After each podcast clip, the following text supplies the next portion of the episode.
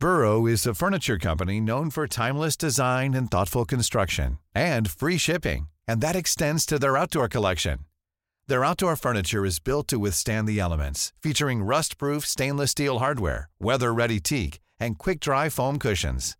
For Memorial Day, get 15% off your Burrow purchase at burrow.com slash ACAST and up to 25% off outdoor. That's up to 25% off outdoor furniture at burrow.com slash ACAST. A lot can happen in the next three years. Like a chatbot may be your new best friend. But what won't change? Needing health insurance. United Healthcare Tri Term Medical Plans are available for these changing times.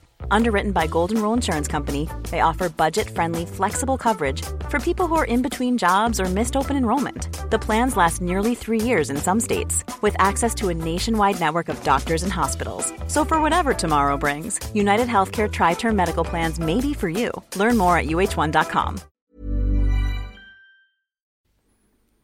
Jeg må, jeg må. Så byr det meg en stemme. I sjelens dyp, og jeg vil følge den.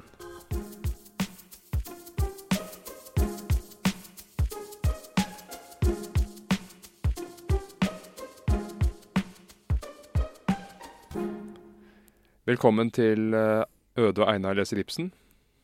Dette var fra Katelina, åpningssetningen. Det er en setning du liker godt, Einar. Ja, du leser den fint, Øde. Du skal ha det. Litt sånn innlevelse, og du leser på sånn riksmål, og det er veldig vakkert. Ja, det er jo skrevet på riksmål. Ja. Dette første teaterstykket til Ibsen er jo skrevet på vers. Og da er det begrenset hvor mye man kan modernisere språket. ja. Det er fint. Men uh, veldig eh, kult å være i gang. Første episode. Ja. Og jeg må jo innrømme at dette er tung lesning for meg. uh, fordi disse navnene er vanskelig å huske på. Å ja. Tenkekart, vet du. Ja, og det, jeg husker jo du sa du hadde lest boken to ganger. Og jeg hadde jo bare lest den én på et tidspunkt. Mm. Så leste jeg den en gang til, og det er nesten nødvendig med den boken. Ja. For å få grep på historien med Jeg mener, her har du Manlius, Lentulus, Coparius, Gabinius, Statilius, Cetegus Ja. Uh, ja, men Jeg- jeg sånn er det med jeg- alt. Hvis du leser det én gang, så får du litt overblikk. Så må du egentlig lese det en gang til for å skjønne det. For meg er det som med all god litteratur. Ja, og jeg skjønner du drar det opp til noe veldig stort og universelt nå her, men jeg, jeg vil bare sånn Jeg har lyst til at eh, leseren, unnskyld, lytteren skal føle litt medynk her. Hvis, hvis noen som lytter til dette, har prøvd seg, og de syns det er veldig hardt. Jeg syns også dette var Ja. litt hardt. Det er bra. Jeg syns det var kjempelett, ja. Ja, Men ja, Så synd at dette ikke utfordret deg, da. Einar. Jeg håper det blir mer utfordrende enn det her, altså. Men uh, vi får se. Uh, fordi det sa vi kanskje ikke, eller, men det du leste til å begynne med, er jo åpningen på Ibsens første stykke, 'Katelina'. Og dette, er, Veldig- er, dette her er eh, Det som slår meg, er at han prøver virkelig å male med en stor palett på sitt første teaterstykke. Ja. Han er 22 år gammel. Skrev det i nattetimene i Grimstad. Ja. Mens han var apotekerlærling. Veldig imponerende, egentlig. Uh, og jeg tror den første setningen du leste, bare de to første, uh, er det en delsetning. Jeg, må. Jeg Jeg må. må. Bare den, ikke sant? Ja. Det er jo Det gir meg veldig sånne assosiasjoner til dette kjente greiene med når Luther står på kirketrappa og banker eh, tesene sine på døra, så sier han 'Jeg står her og kan ikke gjøre annet'. Han sa det visstnok ikke, men noe sånt noe. Og det er veldig sånn, for meg veldig sånn interessant, fordi det Det er veldig sånn Hele vår sjelsliv og hele vår vilje står på spill her. Dette er bare noe du må gjøre for å ikke dø. Hva sier det deg? Ja, det er jo dette med vilje, da. Som, eh, som jeg føler er godt tapt i det moderne mennesket. Mm. moderne mennesket fremstår for meg som å være et viljeløst vesen. En amøbe som blir dyttet hit og dit av, eh, ja, av sosiale medier, av avisene, av stemninger i tiden. En amøbe, faktisk. Altså Ja. en encella organisme.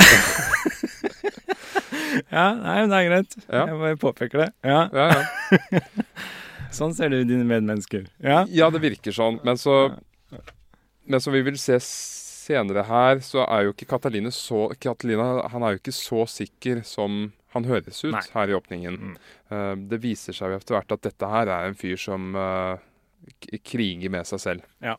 Jeg syns jo åpningen er jo egentlig det kuleste i hele stykket. Ja, og dette her er et historisk drama. Mm.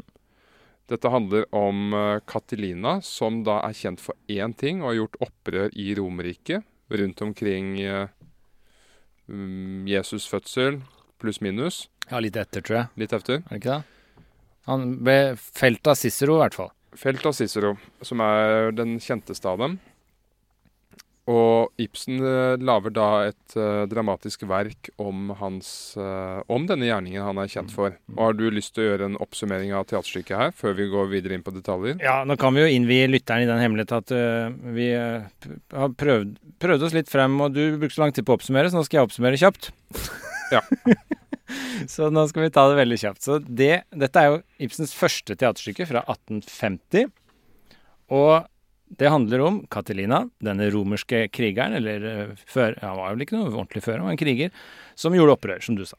Ja, han er i Senatet. Ja, og fortellingen i dette stykket er egentlig at Catelina, han skal uh, gjøre dette opprøret, men så vil han ikke Han må gjøre noe, han vil oppnå noe stort. Så det er veldig sånn, han ønsker å oppnå noe veldig svært. Og så møter, er han gift med Aurelia, og så møter han Furia, en annen dame, som er veldig uh, fristende, som han blir forelska i. Og så er det denne kampen mellom Aurelia og Furia. uh, og så følger han Furia i stor grad mot liksom å, å lede krigerne for opprør i Roma, mot romerne, mot Romerriket. Roma er det vel. Og så eh, drives han mellom Furia, som er, pusher han til det, og Aurelia, som er liksom den rolige, sindige, elskelige konen hans som vil ha fred og ro, bare. Ja, Så det er det rolige eh, familielivet versus det opprørske, viljebaserte livet hvor han oppnår noe stort. Det er den kampen mellom higen og roen det er den det Ja. står i her. Men handlingsforløpet er jo kort og godt at han begynner dette opprøret, og så vil han ikke allikevel. Og så er, viser det seg at eh, Furia hun har en søster som har blitt eh, skjendet og drept. Og det viser seg at det er Catelina som har gjort det. Og når Catelina innser det, så har han lova Furia å hevne dette drapet, men så innser han at det er han selv. Og Mm. da har han egentlig lova å hevne drapet ved å drepe seg selv. Ja. Så der var det en sjelekamp der også. Og så ender det opp med at han går inn i battle, holdt jeg på å si, for å gjøre opprør. Kommer ut av det i live, og så eh, ender han opp med å drepe sin kone Aurelia. Og så angrer han vel litt, vi kan komme tilbake til det, men han angrer litt, og så faller han i fanget hennes og dør sammen med henne. Mm. Furia får lov til å stikke kniven i han, og så dør han sammen med Aurelia. Ja.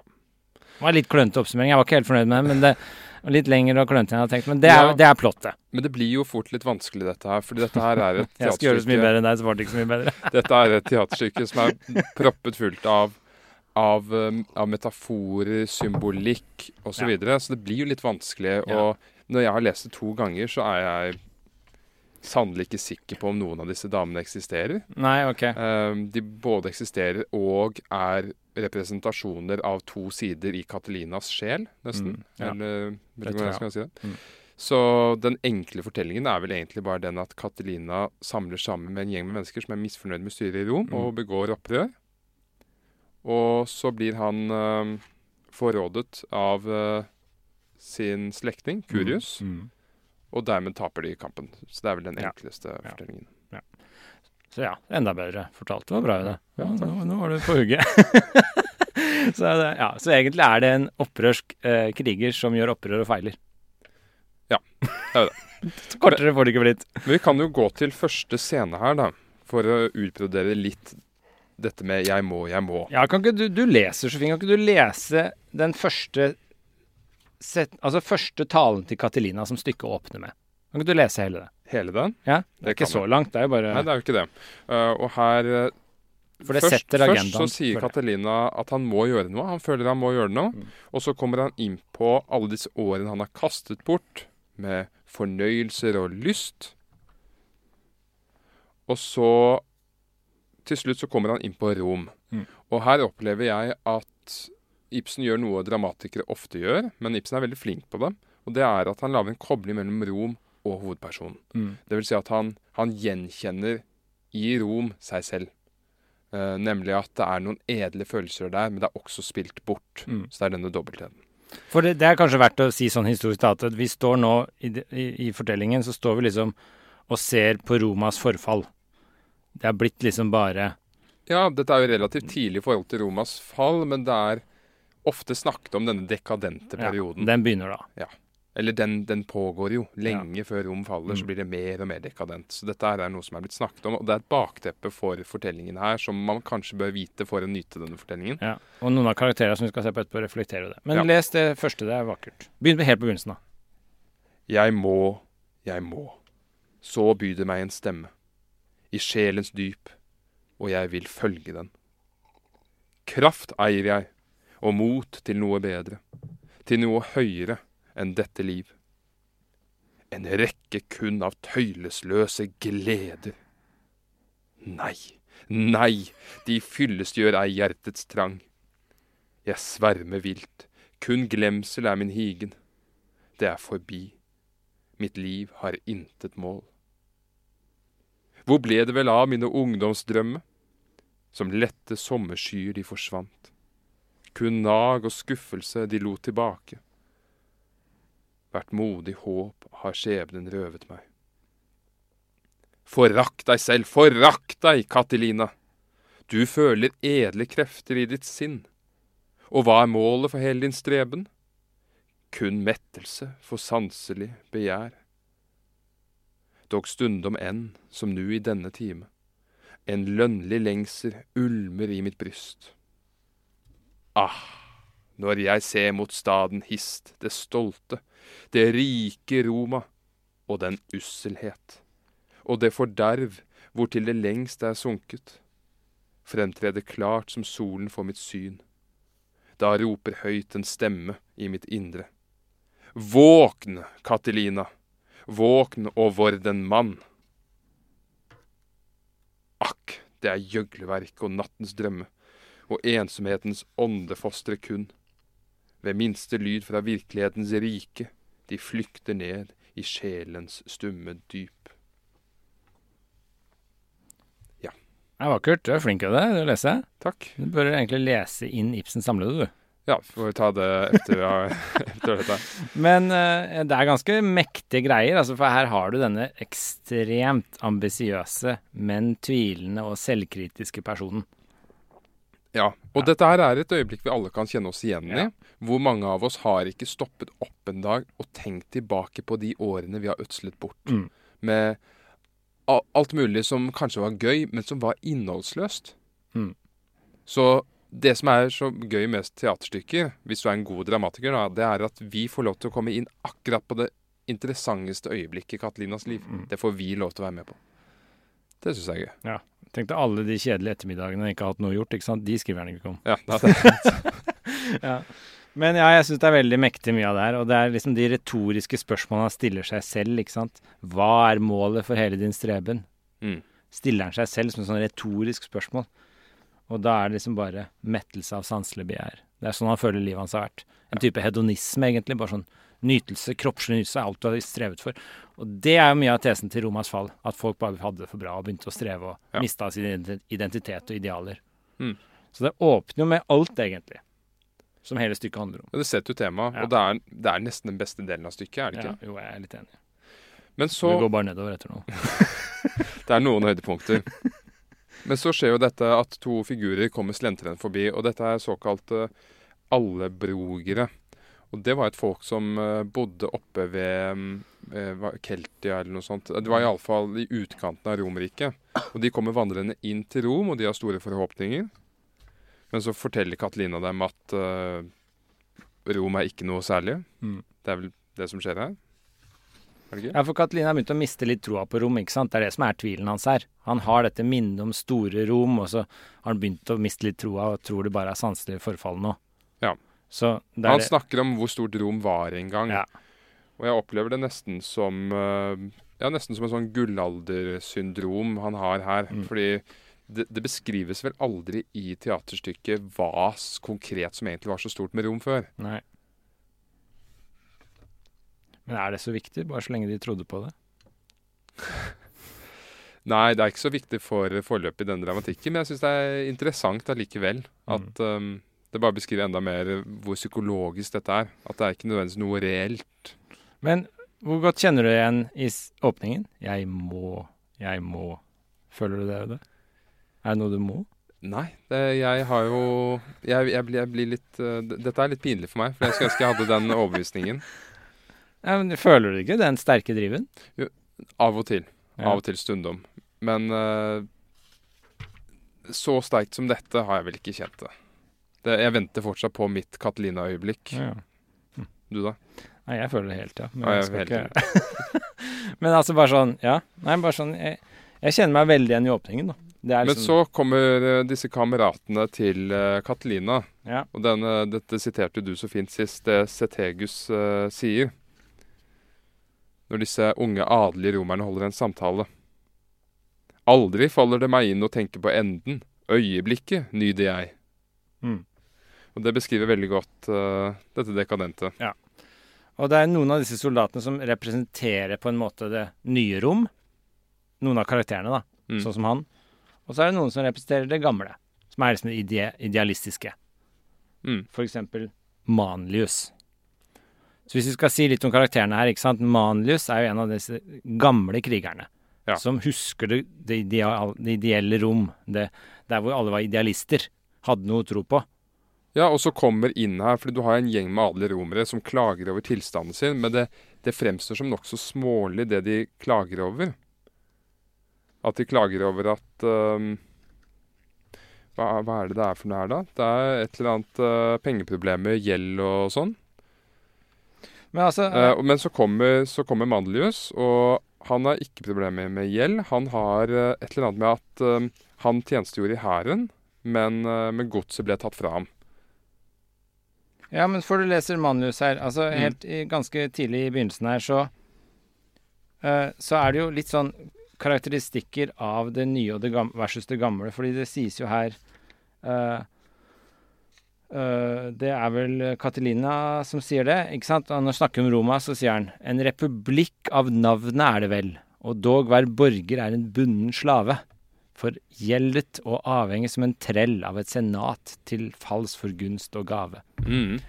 Så han klager over at staten er der egentlig i navn, men egentlig er alle borgerne bare bundne slaver av den Ja. staten. En republikk kun i navnet, ja. Og de er, eh, de er avhengig av gunst og gave fra staten for å overleve, så de er blitt slaver. Ja. Og det er jo to ting å si om det. Det ene er jo Det høres jo ikke veldig bra ut. Altså Da har du blitt på en måte trellbundet av det som skulle gi deg et godt liv og sette deg fri. Eh, det andre er Minner litt om Norge i dag, gjør det ikke det? Jo, det minner, det minner litt om Norge. Det er jo dette med å Altså, det å ha gjeld er jo å være trell. Man er forpliktet til en viss Ja. atferd til å Mm. fortsette, og ja, er, man, er, man er mindre fri. mm. Um, Og det er noe av idealet jeg føler skisseres i Catalina. Det er denne fri, de frie enkeltindividene. Det er det han skal gjøre opprør for å skape igjen. Å styrke de svake, sette de fri. Sette fri slavene, egentlig. For han mener Roma har blitt en stat som alle har blitt avhengig av. Bare som sånn Hva heter det sånn Suger pupp av staten. De er Mm. avhengig av den melka for å Ja. overleve.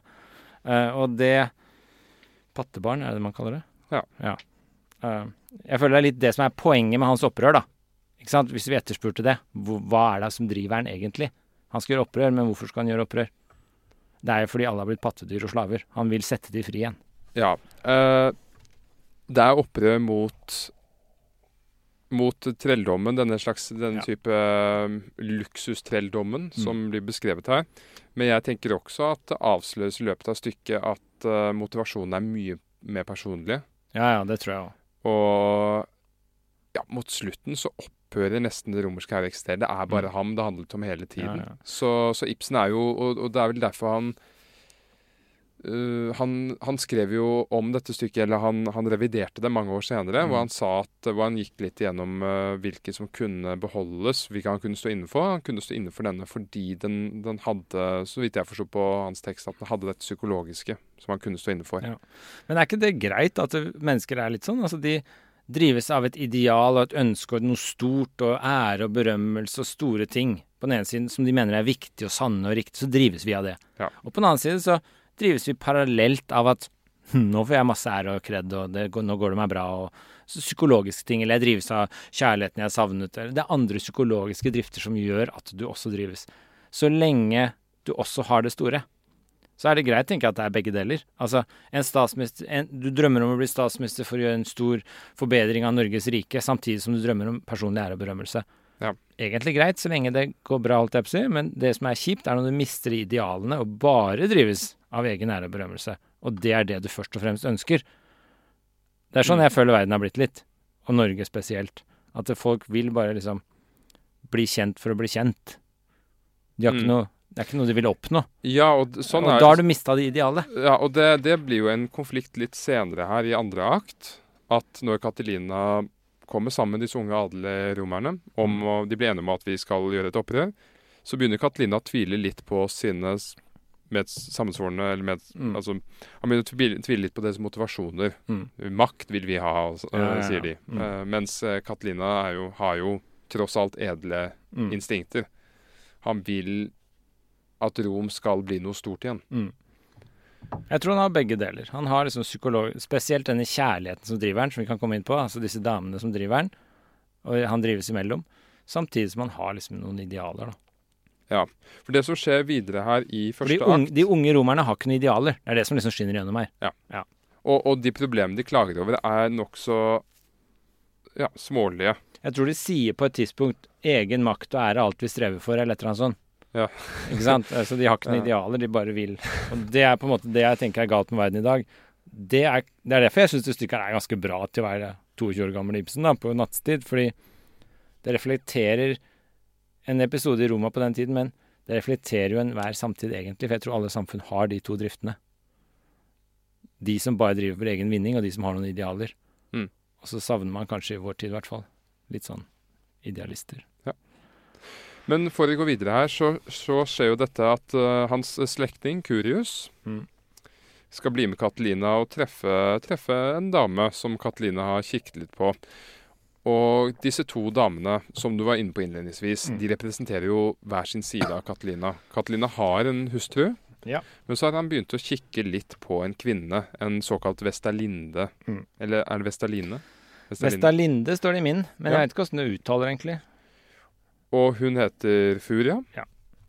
Så det er to damer. Aurelia og Furia. Ja, og han sier jo at uh, Han sier tilfeldigvis på en av dem jeg senket, et øyekast og med et flyktig blikk. Hun møtte mitt, det trengte gjennom sjelen. Ah, dette uttrykk i det sorte øyet. Jeg aldri så hos noen kvinne før. Kjærlighet ved første blikk.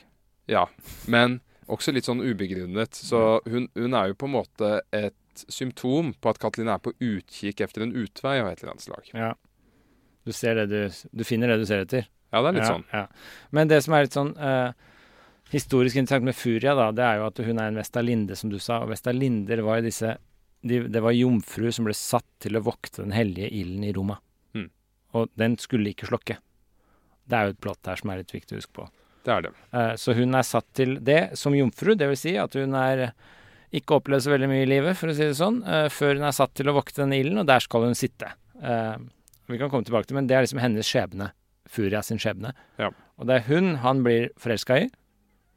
Og Aurelia er denne trygge, rolige hustruen som, bare, som vil bare ha med han og starte familie ute på landet. Og som er kjærlig, og helt sånn ubetinget kjærlighet overfor Katilina. Mm.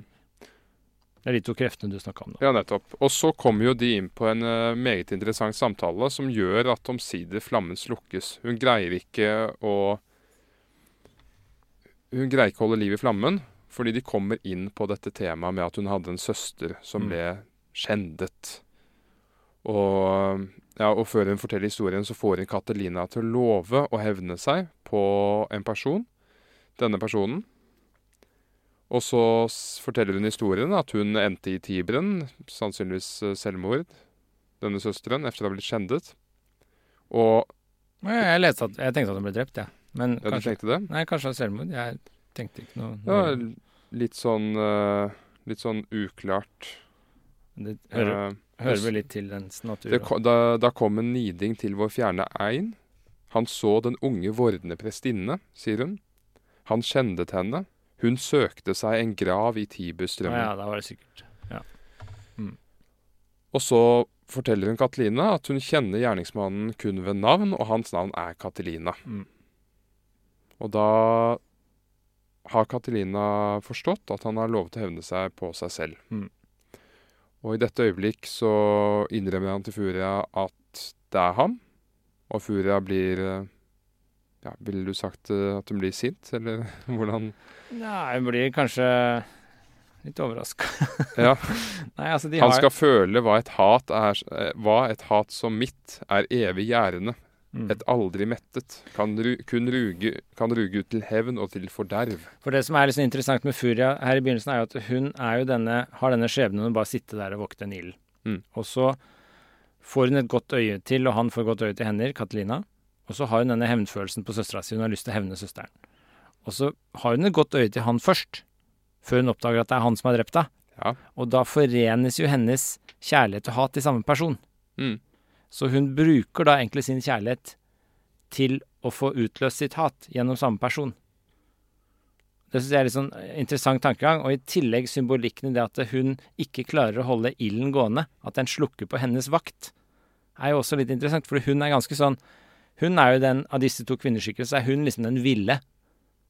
Og så er Mm. Aurelia den rolige. Og dette gjentar seg i mange Ibsen-stykker, at det er en vill og en rolig kvinne. Eh, Ja. Og eh, Furia er liksom den ville, sprø som han blir helt sånn oppslukt og slave etter.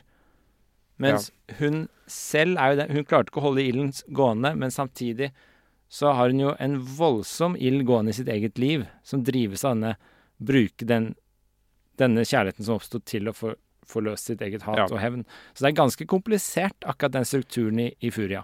Ja, og hun sier jo litt før eh, de kommer inn på denne fortellingen med søsteren, så sier hun at eh, å herlig, å herlig, så er òg min lyst, fordi Katalina har sagt at han kjenner ikke frykt.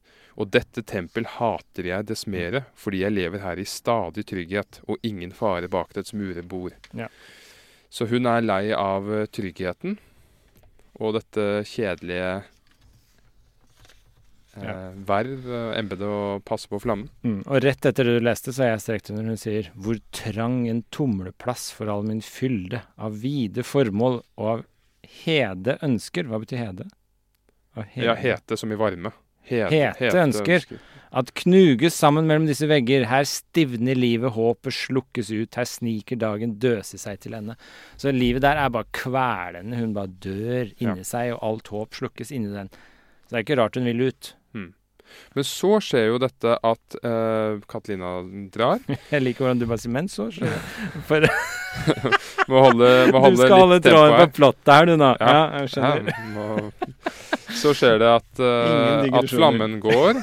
De andre Vestaline Ja, ja. De Ja. andre Vestaline-kvinnene de, eh, de kommer og ser at eh, flammen har slukket. Mm. Og um, ja. Hun sier 'Vestaflammen er slukket', og Furia svarer 'Men hatets brenner, hevnens blusser høyt'. Da hun, hun har fått vite at Katelina, mannen hun elsker, har skjendet hennes søster, og det er voldsomt. Og, men eh, disse vestelinnene kan jo ikke tåle at hun har latt flammen slukke, så de sender henne til et fengsel hvor hun, hvor hun skal dø. De begraver henne levende rett og slett inn i en Ja, men hun blir vel dømt til døden. Når, du, når den ilden slukker, så det var kjempealvorlig. Så hun får Ja. jo dødsstraff i praksis. Men så skjer jo dette at hun blir reddet av slektningen til Katelina, Curius. Mm. Og efter dette, efter hun kommer ut, så følger hun efter Katelina. Og her er det interessant med hennes navn. Hun heter Furia. Mm. Det kommer fra disse furiene fra gresk mytologi. Det er kvinnelige skikkelser som, er en allegor, all, som allegoriserer hevnen. Og da fant jeg noe interessant uh, i min lesning så fra Det er vel Odysseen, eller er det Iliaden? Hvor furiene, de, som er mest kjent for å ha fulgt efter Orestes hele livet hans og plaget ham Mm. efter at han drepte sin mor Dette er en annen historie. Eh, han er altså sønn av Agamemnon Mm. plager ham og skriker i ørene hans. Det er et maleri av Bouguereau som viser uh, ganske tydelig hvem disse furiene er. Men da står det beskrevet i Iliaden eller Odysseen at furiene følger efter og plager den som har gjort en ed som de ikke har fulgt. Eller de som har lovet noe de ikke har innfridd. Og det, det syns jeg er ganske sterkt. Mm. Det kan jeg kjenne igjen. Eh, Men i dette tilfellet så har Katilina lovet å hevne seg på denne mannen. Ja. og det er ham selv. Og han har ennå ikke gjort det, så dette følger etter ham og plager ham. Og der kommer jo Furia inn som Ja, kvinnen som Da følger etter ham. følger Ibsen egentlig symbolikken i navnet her, da. Ja. Det er det han gjør. Ja. Det er jo ganske sånn mange sånne ting når du leser og setter deg inn i og sjekker navn og sånn, så er det ganske mange referanser til ganske mye historisk litteratur her. Til 22 år gamle Ibsen i Grimstad på nattestid. Ja, men nå skal det sies da at jeg har hørt at da han reviderte det, så gjorde han, la han til veldig mye. Ja, ja. Eh, mer av med symbolikk og gjorde det enda tyngre. da. Ja, for det gjorde han vel på 70-tallet omtrent, så det er omtrent 20 år etterpå, tror jeg. ja, 25 år etterpå. år etterpå. Mm. Så ja, ja. Men han kommer jo hjem til sin uh, kone, Mm. og hun har lyst til å rømme ut på landet med ham. Det er Aurelia. Aurelia, ja. Uh, skal vi Ja. Nå er du, du veldig godt i gang med plottet her. Altså Skal vi fullføre det, kanskje, før vi ser på hver karakter litt mer? Jeg har lyst til å gå litt inn i noen av karakterene. Ja. Men skal vi fullføre plottet litt til? For nå er du ganske godt i gang. Ja, jeg syns ja, det ble veldig bra her nå. Nå, ja. nå er Furia følger etter han, ikke sant? Han har oppfylt sin dåd. Mm. Eh, han drar jo hjem til sin kone, og konen vil at de skal rømme. Og da kommer jo Catalina med en ganske pinlig innrømmelse, Ja. må jeg si. Mm. Og det er at han har solgt deres landsted for å få tak i penger som han skal bruke til bestikkelser. Mm. Og dette her er jo veldig, veldig kleint for en fyr som har så store idealer, må jeg si. Men, at han driver på med slikt. Men så um, gir han seg med det. Så kommer det en fattig soldat på besøk som har problemer med myndighetene, og denne mannen gir Catalina sin pengepung, og da sier jo hans kone til Catalina O, rik og edel er ennu din sjel, nu kjenner jeg igjen min Catalina. Mm. Det er interessant. eh, Det blir Det blir jo gjentatt av eh, Furia rett etterpå. Fordi senere så kommer Furia og oppsøker ham. Og da opplever vel jeg at Catalina tror hun er et gjenferd. Ja. Efter andre gjennomlesning. Mm. Han har hørt om en vestaline som ble straffet og levende begravet. Mm. Og så møter han Furia i mørket. Og hun sier jo 'jeg er din skygges skygge'. Det er når hun har kommet ut av fangehullet og Ja. løper etter Catalina. Mm. Ja. Og Catalina oppfatter henne som et spøkelse, mm, tenker jeg. Jeg leste det ikke sånn. Nei? Jeg leste bare mer sånn symbolikk i det, at hun sier de spøkelse... Altså, hun bare skal følge etter han for å, at han skal gjøre det han skal. Hun bare Hatet hennes driver henne til å følge etter han til han har gjort og gjennomført sin byrde.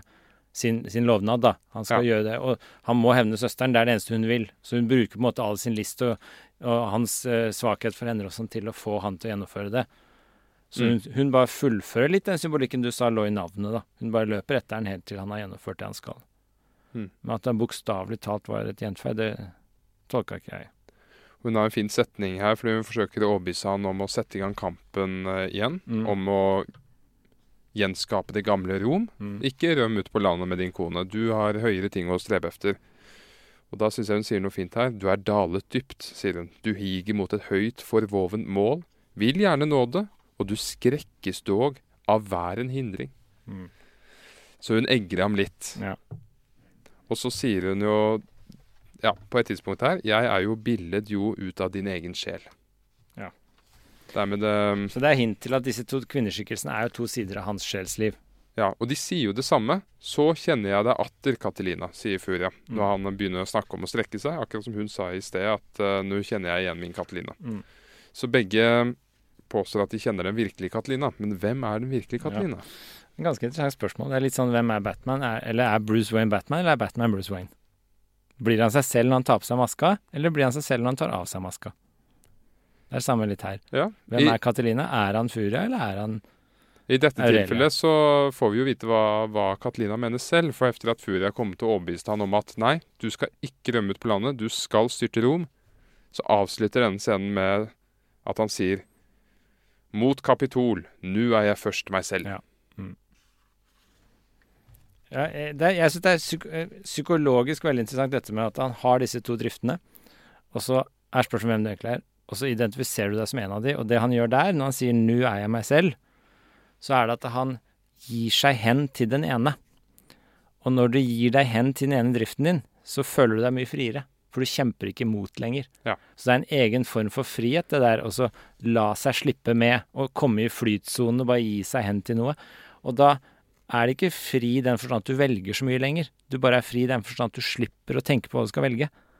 Og når Ja. du gjør det Jeg liker å kalle det negativ frihet, da. Når du gjør det, så, så, så, så kunne han valgt Aurelia òg, til en viss grad. Hvis han Ja, du hadde bare tenker det? ja, hvis han hadde valgt Aurelia, flytta ut på landet, fulgt liksom Dyrka jorda der og levd det rolig og bare gitt seg hen til det, så tror jeg at eh, det kunne vært like så mye virkelig han. Men spørsmålet er kanskje, i dette tilfellet her, da, at driften hans i retning av Furia er sterkere. Og da er det vanskeligere å gi deg hen til en svakere drift. Ja, i dette tilfellet så representerer jo hans kone Det er en slags fallitterklæring. En oppgivelse. Ja, Så det er jo ikke sånn at, det er jo ikke sånn at veiene er én vanskelig vei mot høyre eller én vanskelig vei mot venstre. Nei, valget står mellom en ærefull og vanskelig vei eller å gi opp. Ja, ja, men hvor ærefull vei er det egentlig? Jeg tror det stilles et spørsmål om det òg. Den der å følge Furia, altså å hevne og drepe, og hvor ærefull vei er det egentlig, versus om han hadde med stolthet gått inn for kjærligheten med Aurelia. Ja.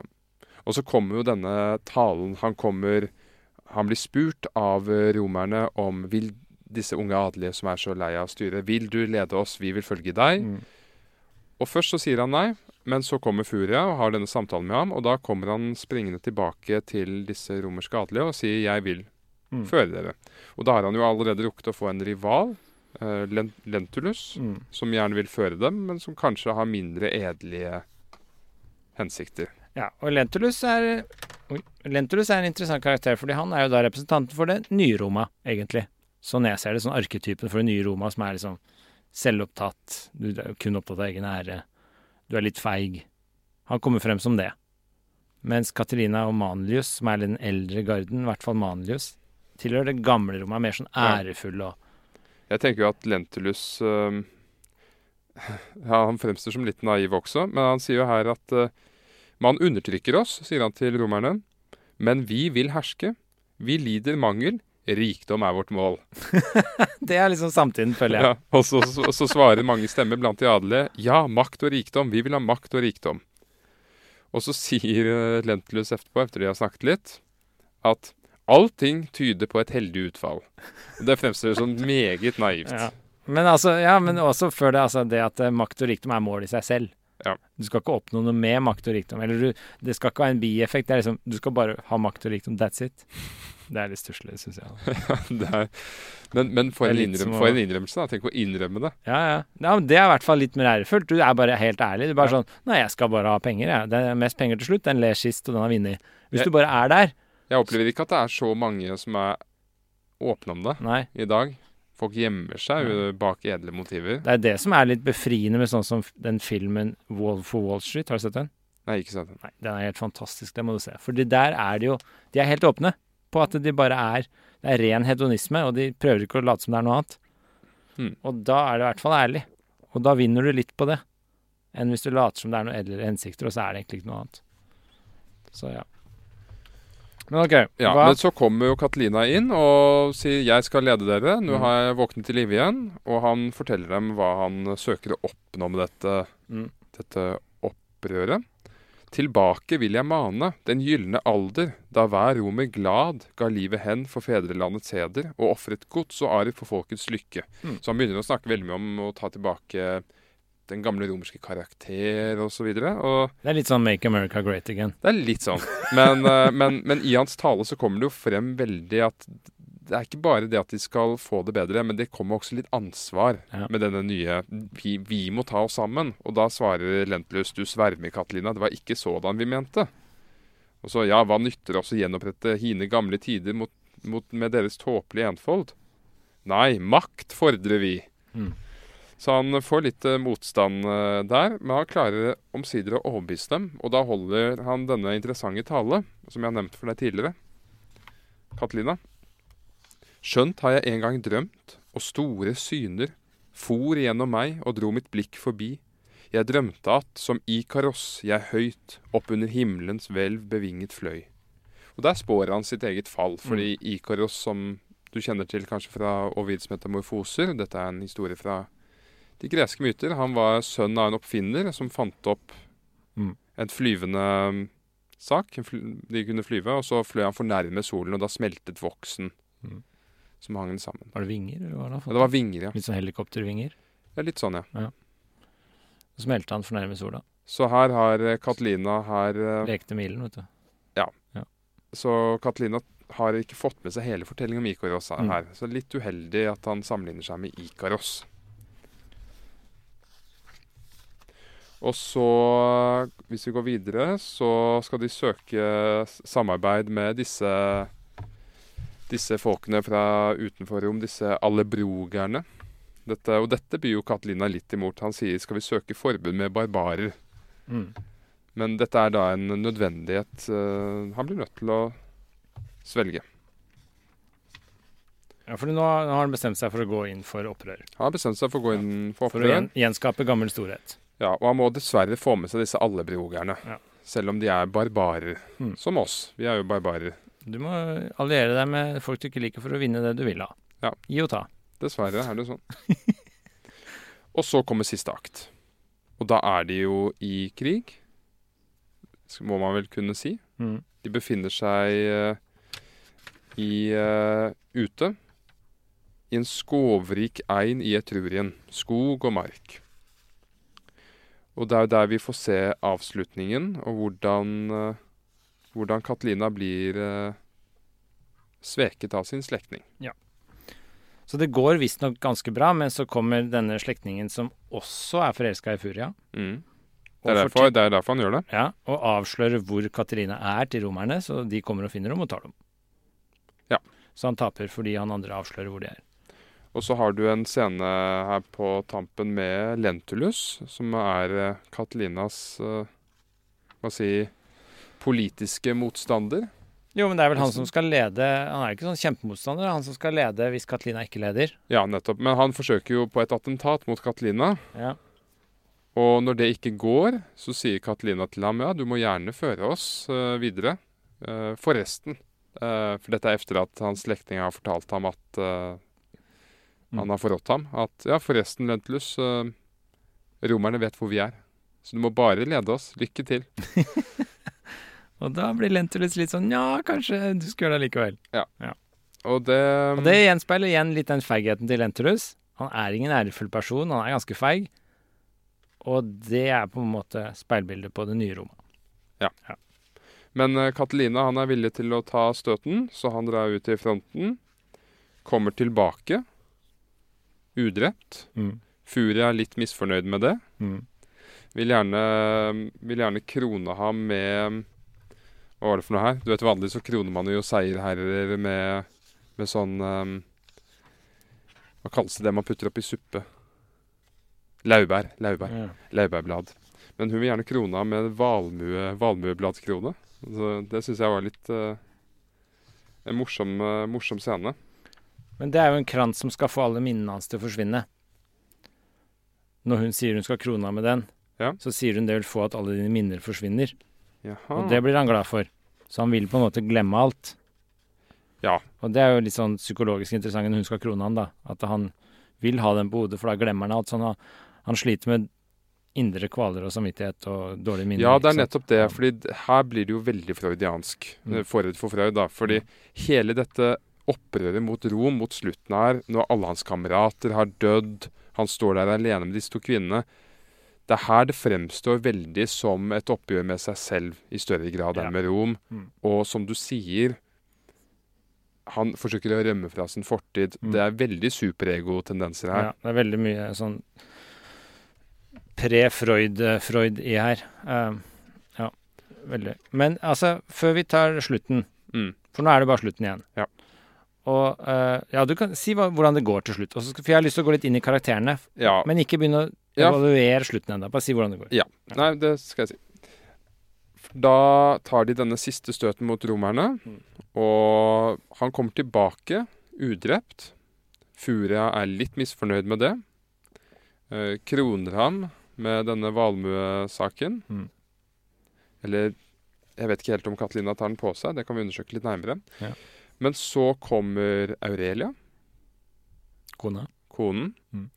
Og da holder Katelina Katalina en kraftsalve, eller han gir henne en kraftsalve, om hvor mye han hater henne. At hun står i veien for ham og hans um, det- eller, eller skjer det før Han er ganske slem. Ja. Uh, han er ganske slem. Men skjer det før det siste støtet?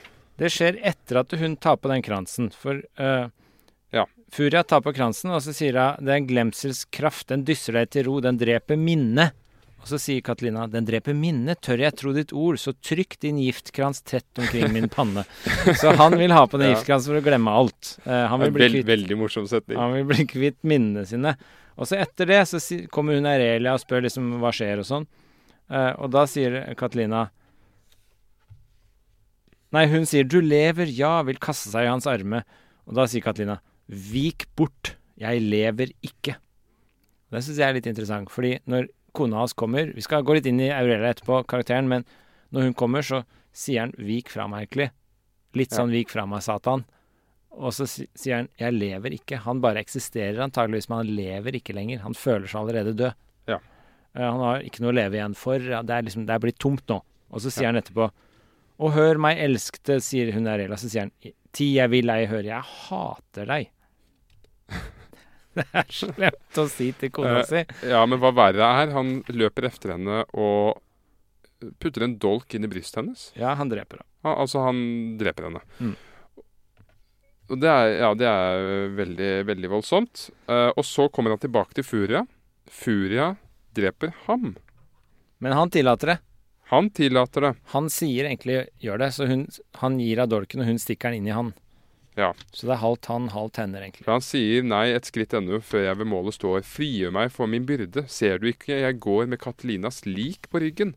En pæl gjennom Katalinas lik. Og så viser han henne dolken.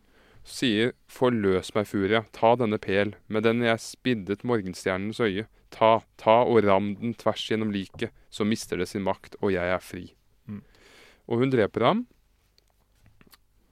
Og så forsvinner hun. Eh, Aurelia kommer ut av teltet. Hun overlevde, hun. Hun overlevde så vidt, men så dør de sammen i omfavnelse. Han dør på hennes fang, egentlig. Og slik slutter stykket. A lot can happen in the next three years. Like a chatbot may be your new best friend. But what won't change? Needing health insurance. United Healthcare Tri Term Medical Plans are available for these changing times. Underwritten by Golden Rule Insurance Company, they offer budget friendly, flexible coverage for people who are in between jobs or missed open enrollment. The plans last nearly three years in some states, with access to a nationwide network of doctors and hospitals. So, for whatever tomorrow brings, United Healthcare Tri Term Medical Plans may be for you. Learn more at uh1.com. Millions of people have lost weight with personalized plans from Noom, like Evan, who can't stand salads and still lost 50 pounds. Salads, generally, for most people, are the easy button, right? For me, that wasn't an option. I never really was a salad guy. That's just not who I am. But Noom worked for me. Get your personalized plan today at Noom.com. Real Noom user compensated to provide their story. In four weeks, the typical Noom user can expect to lose one to two pounds per week. Individual results may vary. Katalina dør i fanget til Aurelia, som han sa han hata. Mm. Og dette er jo veldig mystisk. Her er det mye å ta tak i nå. Nå har du oppsummert hele stykket ganske bra. Ja. Det er ganske mange dybdeting her eh, vi må nå se på, føler jeg. Er du klar? Ja, jeg er klar. Men eh, fordi det er jo noen karakterer her som vi var litt inne på i begynnelsen. Det er jo Aurelia og Furia, som er disse to sidene av hans sjelsliv, tror jeg. De Ja. representerer. Det er vi enige om. Og så er det jo Catalina som har denne higen etter noe stort og viljen, og det står liksom mellom den krigen mellom hva han vil oppnå og hva han klarer å oppnå. Det er liksom den kraftspennet mellom de to. Uh, er, men det er to karakterer til som jeg hang meg litt opp i, og det er Manlius og Lentulus, som er disse to representantene for det gamle og det nye Roma. Som jeg tror også er litt sånn representanter for, i, for på en måte krefter i sjelslivet vårt. Altså Manlius er denne stolte, ærefulle, mens Lentulus er denne hedonisten som bare lever i nuet. Så Lentulus representerer bare den som vil ha ære og berømmelse for sin egen skyld, makt og penger for makt og pengers skyld, mens Manlius har noen idealer han streber mot og er villig til å dø for. Så det er jo disse to driftene som du åpna så vakkert med også med den 'jeg må, jeg må'-passasjen. Fordi når Catalina sier 'jeg lever ikke' til Aurelia, Når hun sier 'du lever', så sier han 'jeg lever ikke'. Etter det slaget helt på slutten. Så sier han jo egentlig, sånn jeg tolka det, 'jeg er mer sånn som Lentulus', sier han. Jeg eksisterer bare i nuet, men jeg har ikke noen idealer, jeg har ikke noe å leve for lenger, jeg har ikke noe å strebe etter. Så jeg har ikke egentlig en mening med livet. Nei. Mens jeg bare lever i nuet som en gris, egentlig. Jeg bare ruller rundt i gjørma og er fornøyd. Men han er ikke fornøyd, da. Men Han kunne ikke, han kunne ikke leve efter nei, det var umulig. sine egne idealer. Ja, det var umulig. Så han, det, det, det gikk ikke. Så eksistensen hans ble en umulighet, og da har han på en måte dødd allerede. Så når han gir dolken til Furia, hun får lov til å stikke han, så fullbyrder han på en måte heller noe På mange måter noe bra, da. For da får i hvert fall Furia sin hevn, og da har han jo oppnådd noe. Men han mislykkes jo med kuppet sitt. Han mislykkes med opprøret i Rom. Han, det eneste han lykkes med, var jo å hevne det han hadde lovet å hevne for Furia. Ja. Mm. Så, så det, er liksom, det er ganske mye sånn spill her, tror jeg, på det. Disse karakterene er veldig sånn arketyper som representerer drifter i oss og i samfunnet. Forfall, idealer, opptur, eh, sånn gode perioder, dårlige perioder. Den der driften til Furia som er denne ville gale som liksom drives av noe så mye passion, mens Aurelia er denne rolige, sindige som skal bare ha et rolig og godt og trygt liv, som har ubetinget kjærlighet og omsorg. Drives mellom det trygge og det farlige. Alt dette er jo i karakterene. Mm. Det syns jeg er litt interessant. Eller det, det er Jeg liksom syns sånn det er veldig interessant. Og, Det er det som gjør det verdt å lese det flere ganger, da. ja, og du som jeg er vel enige om at den ene er vel strengt tatt ikke bedre enn den andre. Nei, det er liksom Jeg, jeg, Jeg vet at veldig mange kristne ville sagt at Fure er ond. Ja.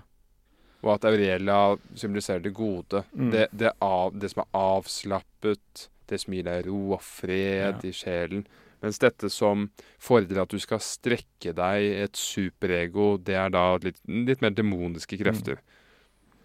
Ja, jeg tror det. Altså, jeg, jeg tror man bare skal akseptere at her fins det begge deler. Og så er spørsmålet liksom hvordan vi klarer å balansere imellom.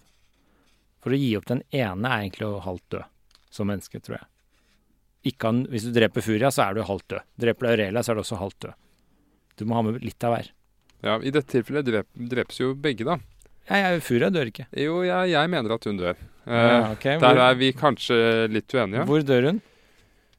Jeg mener at det er ganske tydelig at på slutten, hvor han først har puttet en dolk inn i sin kone Aurelia, Mm. så kommer han tilbake til Furia. Mm. Og Furia spidder ham. Og så kommer det. Furia griper dolken, så sier hun, Det skje, du sjel, hvem jeg i hat har elsket.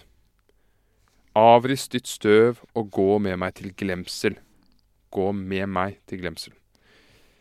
Og så står det hun borer dolken dypt inn i hans bryst. Han segner om ved foten av treet. Catalina, efter et opphold, kommer til besinnelse, fører hånden over pannen og sier matt. Ah, nu fatter jeg din spådom, gåtefulle ånd. Halvt jeg faller for min egen, halvt for fremmed hånd. Nemesis har gjort sin gjerning, dølg meg, dødens mulm. Mørke styks, løft nu din bølges hode høyt og svulm. Bær meg over, sink ei båten, jag den rastløs frem, mot den tause fyrstes rike, alle skyggers hjem. Tvedelt veien går der nede, jeg skal vandre stum mot venstre. Og Det aller siste der, det er en referanse til denne todelingen av underverdenen, som Platon annet beskriver, hvor man mente at man gikk til venstre hvis man hadde levet et dårlig liv, og der var man stum, eller man gikk til høyre hvis man hadde levd et godt liv mot Elysium. Og så han har ty ty han tydeligvis han tror han skal til den dårlige delen, Mm. men så kommer Aurelia med ja, blødende og sier nei mot høyre, mot Elysium. Men i alle fall når dette skjer, idet hun borer dolken inn i ham, så sier hun ikke noe mer, Furia.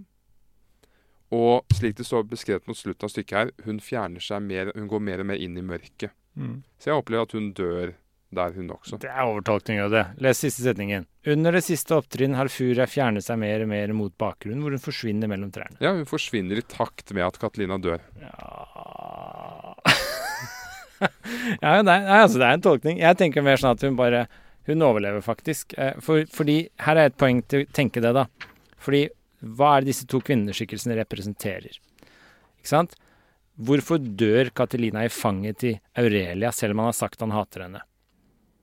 Han dør jo i fanget hennes, og da sier han til slutt Det siste han sier, er vel noe sånt som uh, uh, Se, jeg følger deg til lysets og til fredens bo. Og så sier morgenens milde makter skuer uh, Hvor? Makter skuer i forsoning ned, du har nattens ånd beseiret ved din kjærlighet. Så han dør jo i hender så, ved, på fanget hennes, som representerer for han det kjedelige, rolige livet, ikke sant? Ja. Fred og ro. Så han dør i, i roen. Døden er liksom roen. Mens Ja. Furia, hun er passion og det levende liv. Ja. Så Furia er livet, og Aurelia er egentlig døden i Catalinas sjel. Jeg har lyst til å ta to andre sitater for å supplere det du sier. Men derfor så tror jeg Furia lever videre, fordi hun representerer livet. Ok, men vent litt nå. Mm. An annen akt, så sier, eh, så sier Catalina Katalina Man sier jo at furiene kommer fra underverdenen for å følge oss gjennom livet. Ah, hvis det så det var. Nå kommer Furia Ja. Jeg hørte nøys for den som Ja, ikke hørte det. og så sier, Ja. så, sier, så sier Kurius Hva har du møtt? For han har jo fri, frigjort um, Furia. Mm. Og så sier han Hun var her selv i natt, dog la det være glemt. Så det er hans forhold til Furia. Hun kommer fra underverdenen av opplevelsen. Og så Det som skjer på avslutningen her, det minnet meg veldig om Faust. Goethes Faust. Mm. Nemlig at Catelina sier, når han ligger i fanget til Aurelia, og de begge blør, så sier han Forgjeves er ditt glade håp, vi må skilles, jeg må følge hevnens hule råd. Du kan haste lett og frigjort frem til lys og fred. Jeg må over glemselsfloden, må i mørket ned. Mm. Og så sier hun Hun peker mot den stigende lysning. Nei, for kjærligheten svinner dødens redsler og dens natt. Ser du, tordenskyen viker, morgenstjernen virker matt. Så er, jeg opplever nesten at det er en sånn Ja, forsoningssak Uh, ja, er bare Det er jo bare symbolikk for de mørke kreftene. Altså, alle skal jo ned til mørket og sånn, mens Aurelia tar jo med seg Catalina til lyse, til himmelen, til det lyse, mens Furia er liksom ned i mørket. Hun, hun settes jo i fangenskap i en mørk grotte, hun er liksom hans skygge. Ja. Det er all den symbolikken du tolker som at hun faktisk er død. den tolker jeg mer som sånn symbolet på det mørke kreftene, mens Aurelia er symbolet på de lyse kreftene. Ja. Men altså, Og så paradoksalt nok så er det i døden man skal finne ro og fred. Ja, ja. Hvil, hvil i fred, som Ja. man sier. Og det, det syns jeg er ganske sånn sterkt på slutten. Altså at han, vi, han dør på fanget til Aurelia, hvor dø, han forenes på en, må, på en måte i roen i døden. Det er ikke fred og ro før det er dau, ikke sant? Eller så, som Mm. du sa, hvil i fred står i Bibelen, men som Bon Jovi synger òg. I'll sleep when I'm dead. Det er liksom noe der. Uh, Men så er det en, en morsom del i tredje akt. mm. Litt før dette og før det aller siste slaget, hvor, hvor Furia og Aurelia rett og slett har en slags En slags håndgang med argumenter. Mm. En slags uh, rap battle, nesten. Hvor de kommer med hvert sitt argument for hvilken vei Catalina skal gå. Og der er det en veldig morsom eh, setning fra Furia. Svake tåpe. Du vil lede Catalinas skritt. Ser du ikke at hans hjerte aldri helt var ditt? Ja, er strekt under. Og så sier hun videre, tror du dine blomster trives kan i slik en grunn? I det solskinnssvangre forår gror fioler kun. Medens bulmen yppigst vokser under skyens tag, og hans sjel var altfor lengst en skyfull høstens dag. Så de krangler egentlig om hvem Katelina er. Denne, denne bulmen du nevner, jeg søkte det opp, det er en bulmeurt som liker å vokse i skyggen. Og, og, og forresten, det er en uh, regnes som giftig eller liksom, psykadelisk eh, plante. Mm. Men rett etter det du sier, så sier jeg til slutt alt er tapt for deg, sier jeg til Aurelia. Snart slukkes gnisten i hans barm, og som hevns offer ligger han i dødens arm. Mm. Så han ligger jo i hennes Han dør jo i Aurelias armer. eh, så hun representerer for meg liksom døden. Aurelia? Ja. mens Furia er livet. Og, og hun får sin hevn, Furia, egentlig. Det er Furia som egentlig lykkes i et stykke, hvis du tenker etter. Alle andre mislykkes jo. Eneste er Furia som oppnår det hun vil. Ja, det er sant. så, så det er noe med Jeg vet ikke, jeg vil, jeg vil, nå vil jeg slå et slag for Furia.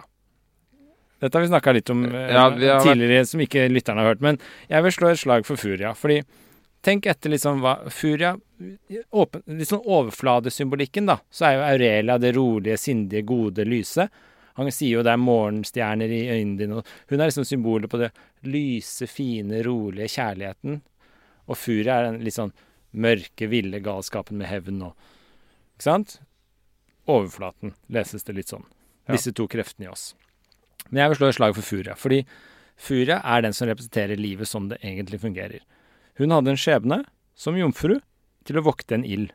Og der har hun en lang tale om hvor kvelende det er. Det slukker alt håp. Hun dør inni seg av å være gitt denne rollen hun skal ha, som hun ikke har bedt om. Så hun blir kvalt. Og så lar hun ilden. Det er litt uklart akkurat hvordan ilden slukker, men hun lar den i hvert fall dø på en eller annen måte. Den dør under hennes vakt. Og da er hun egentlig satt fri. Det er først da hun er satt fri, når hun ikke lenger når den ilden slukker. Hun skal ikke være der lenger. Hun blir dratt ut, hun blir dømt til døden. Så blir hun befridd, og så får, skal hun hevne søsteren sin. Det er nå hun lever. Og Mm. det eneste hun vil oppnå, er å hevne søsteren sin. Og det lykkes hun med. Så egentlig er det veldig positivt. Jeg skjønner jo Furia veldig godt. Altså, for hun elska Katilini, tror jeg, til å begynne med. Det var ganske god følelse helt til å begynne med. Ja. Og så, når hun oppdager hvem han er, så fullfører hun likevel prosjektet sitt. Hun kunne jo da ha sagt OK, jeg skal ikke hevne søsteren min, fordi jeg er så, elsker jo Furia. Nei, jeg elsker jo Catelina. Mm. Men det gjør hun ikke. Så hun er egentlig ganske sånn litt sånn ærefull og steil kvinne som får det som hun vil, og står på det hun mener er rett. Hun mente hun skulle hevne det gale drapet på søsteren sin. Eller skjendinga av søsteren sin. Mm. Og det bruker hun hele stykket på å få gjennomført. Og hun viker ikke en tomme. Mens de Ja, andre, de vingler. Ja, og så Hun står jo også litt som motsetning til Kateline der, at hun er veldig opptatt av regnskap. Hun er veldig opptatt av fortiden og Mm. gjøre opp regnskap. Kateline har lyst til å rømme fra det. Ja, hele tiden. Litt fram og tilbake. Katalina minner meg litt om Hamlet i Shakespeare, som er denne karakteren som klassisk ikke klarer å gjøre tanker til handling.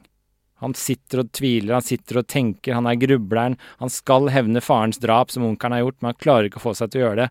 Hele Hamlet handler jo om denne tvilen til Hamlet. Han får ikke ut fingeren.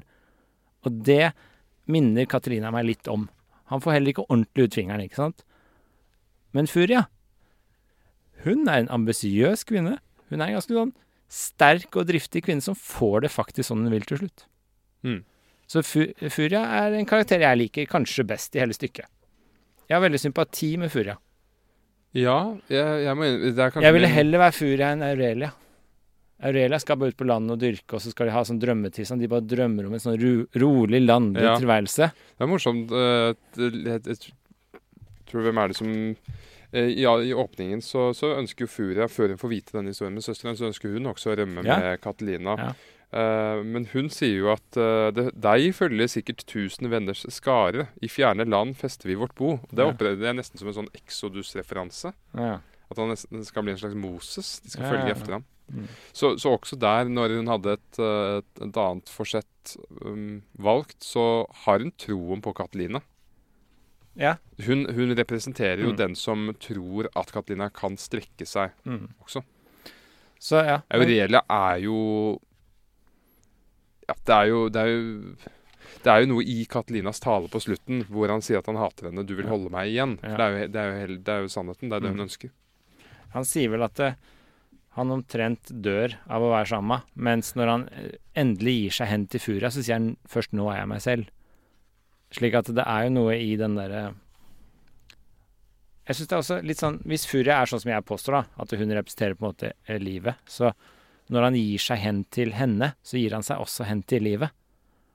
Og det er først da egentlig Katarina lever. Det er når han får lov til å liksom prøve dette opprøret og få fullført sin hevn, den hevnen han lovte, selv om det gjaldt han selv til slutt, så blir jo på en måte livet oppfylt. Det, Mens døden, hvis Aurelia er døden, så skjer jo ikke det. Ikke sant? Han drar ikke på landet med hender. Han lever livet fullt ut, oppfyller sin skjebne. Furia får det som hun vil, og så dør han med Aurelia, som han hater. Og han hater jo egentlig døden, det gjør vi alle, gjør vi ikke? Det er ingen som egentlig vil dø, tror jeg. Nei, Det er sant. Så det er ganske sånn Når jeg leste den nå andre gangen, så Første gangen så tenkte jeg veldig sånn Furia er liksom det mørke, svarte, onde, og Aurelia er liksom det lyse, gode. Så tenkte jeg sånn Egentlig omvendt. Ja. Jeg tenkte Furia er for meg viljen til liv. Jeg finner liksom alt jeg gleder meg over i Nietzsche, finner jeg i Furia. Ikke Aurelia. Mens i Aurelia finner jeg denne litt sånn bonderomantikken, ubetingede kjærligheten. Litt sånn som Markens grøde. Litt sånn Inger og Isak. Den finner jeg litt i, i Aurelia. Ja, Og det kan være vakkert og fint og sånn, men men det er, det er jo en tid, tid for alt. ja, og, du har han, lest en eh, bibel, du òg. og han vil, jo, han vil jo dø i fanget til Aurelia. Han, han får jo denne Vil han det, eller bare kapitulerer han? Orker ikke mer. For på et tidspunkt så tenker du sånn Jeg vil, jeg vil, jeg vil. Jeg må, jeg må, som han sier til å begynne med. Og så bare Faen, det funker jo ikke. Og så bare Jeg orker ikke mer. Jeg kapitulerer og dør i fanget til Aurelia, hvor det var så rolig og trygt. Nei, altså, jo, det kan du si at han ikke klarer med, men han er, han er tilfreds med å dø på slutten i Aurelias Ja, fang. kan Han, sånn. han kan endelig finne roen med henne, fordi han, han prøvde ut denne andre Mm. veien, som endte så dårlig. Så han Jo, men har han ikke oppfylt den andre veien? Det tenker jeg. Jo, det er det han har. Og derfor kan han endelig rolig Ja. hvile med Aurelia. For han har oppfylt Furias skjebne. Ja. hele dette stykket er jo veldig, veldig klassisk. En person som eh, strever med, med to forskjellige veier, Mm. og kan ikke finne ro før han har prøvd begge, Nei. egentlig. Og så det Slutten er ganske interessant, fordi her er det igjen veldig sånn mye Freud før Freud, da. Det sies jo at Freud var inspirert av Ibsen. Han leste mye Ibsen. Fordi veldig mye Ibsen er å, hen å bruke gamle hendelser i fortiden til å forklare nåtidens hendelser. Ikke sant? Det er veldig sånn psykoanalytisk trend, da. Men det som er interessant, er jo at eh, Aure- eh, Catelina Han lever ut, og tviler og vingler og sånn, men han lever ut den derre lovnaden om å ta hevn, ikke sant, og drepe den som hadde drept søstera til Furia. Så på en måte så oppfyller han sin skjebne. Og det som skjer da på slutten, er jo litt sånn Det skjer mye rart på slutten som jeg ikke fikk til å henge på greip. F.eks. at han dør i fanget til hun han hater. Hvorfor, hvorfor skjer det? Her tenker jeg en tolkning. Han oppfyller sin skjebne på i livet, egentlig, gjennom Furia, og får gjort det ferdig. Så det der opprøret, det var bare en bieffekt. Hovedpoenget var at han fikk hevna drapet på søsteren til Furia. Det var å fullføre sin skjebne. Og så er det at han dreper Aurelia, som er den gode siden av seg selv. Det at han dreper henne, kan virke litt vilkårlig, men hvis du tenker på det, så er det et oppgjør med seg selv. Mm. Så han dreper den rolige, landlige Markens Grøde-side av seg selv, hvor han skal dyrke rolig familie på landet med Aurelia. Den dreper han for å kunne finne og forenes og komme come to terms, som det heter Ja. på godt norsk, med seg selv. Og først da kan han tillate seg å dø i fanget til Aurelia. Så han må You must kill your darlings, eller du må liksom kill your idols før du kan komme deg videre. Ja. Og det, det- ligger det i slutten her, tror jeg. Det er den beste tolkningen jeg kom på. Jeg er helt enig, men dette kommer jo tilbake til katalysatoren for, eh, for stykket i første akt, nemlig denne historien med søsteren som han skjendet. Mm. For dette her er et, dette er et bakteppe. Og Ibsen er så flink på det. I hvert eneste stykke så er det et eller annet som har skjedd. Mm. Vel, kanskje ikke hvert eneste, men det er, det er noe forferdelig som har skjedd før. Du har det, du har det i Villanden, denne gamle herr Ekdal, som Mm. Det er noe som skjedde i skogen. Han Mm. fikk en fengselsstraff osv. Uh, og hva mer er det? Ja, du har gjeldsbrevet. Mm. Det er sånne ting, det er sånne enkelthendelser som kommer tilbake og forfølger deg. Ja. Og her så tenk, Omskifte kaller Aristoteles det. Ja, omskifte. Ja, det er litt der, det som gjør at ting skifter om. Og her er Han har skjendet en kvinne. Mm. Og dette har skjedd for lenge siden. Og jeg tenker at hans kjedelige kone, for det er det hun er, Aurelia er kjedelig. Snill, da. Snill og kjedelig. Altså, hvis vi kan grave dette Ser du for deg henne som pen? Ja, ja. Aurelia er pen? Ja, Hva med Furia? Ja, pen. Ja, jeg ser på Furia som veldig pen. Og så er Aurelia som litt sånn grå mus, men det er kanskje Nei, altså, jeg, jeg, tror, jeg tror alle vet hva man snakker når man snakker om en, en, en sånn en litt sånn frekk, nesten sånn sigøyneraktig, Carmen-aktig skjønnhet. Ja, og en litt sånn himmelsk skjønnhet som Ja. er til livet og sånn. sensuell og flott og Ja. ja.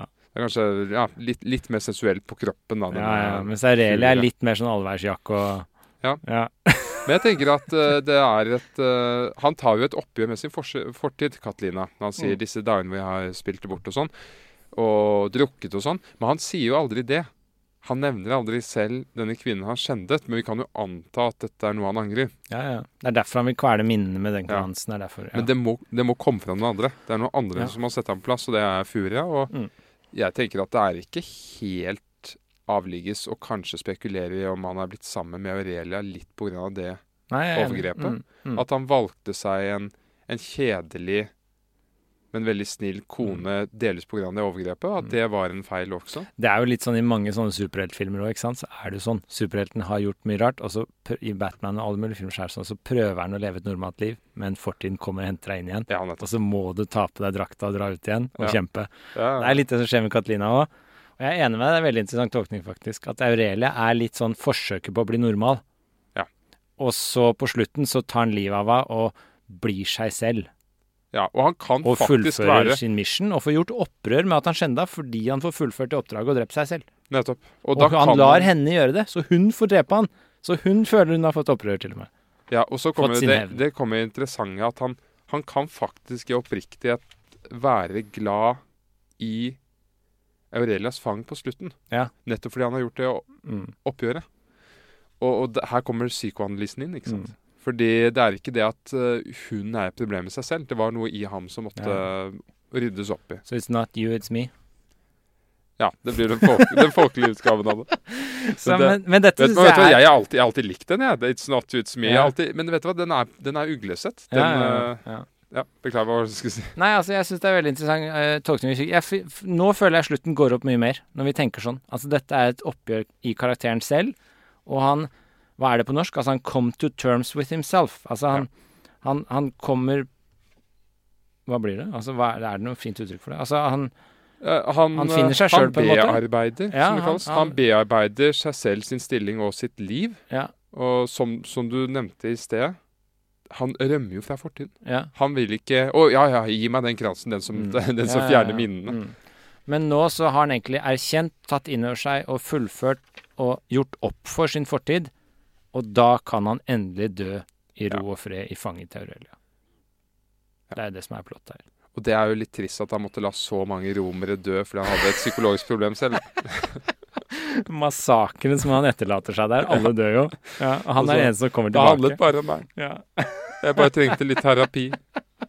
Han kunne tatt et par timer hos psykolog, så hadde det gått bedre. Men det er en kjempeinteressant tolkning av det. Jeg syns vi har virkelig forstått stykket nå. Ganske godt. Ja. Er du enig?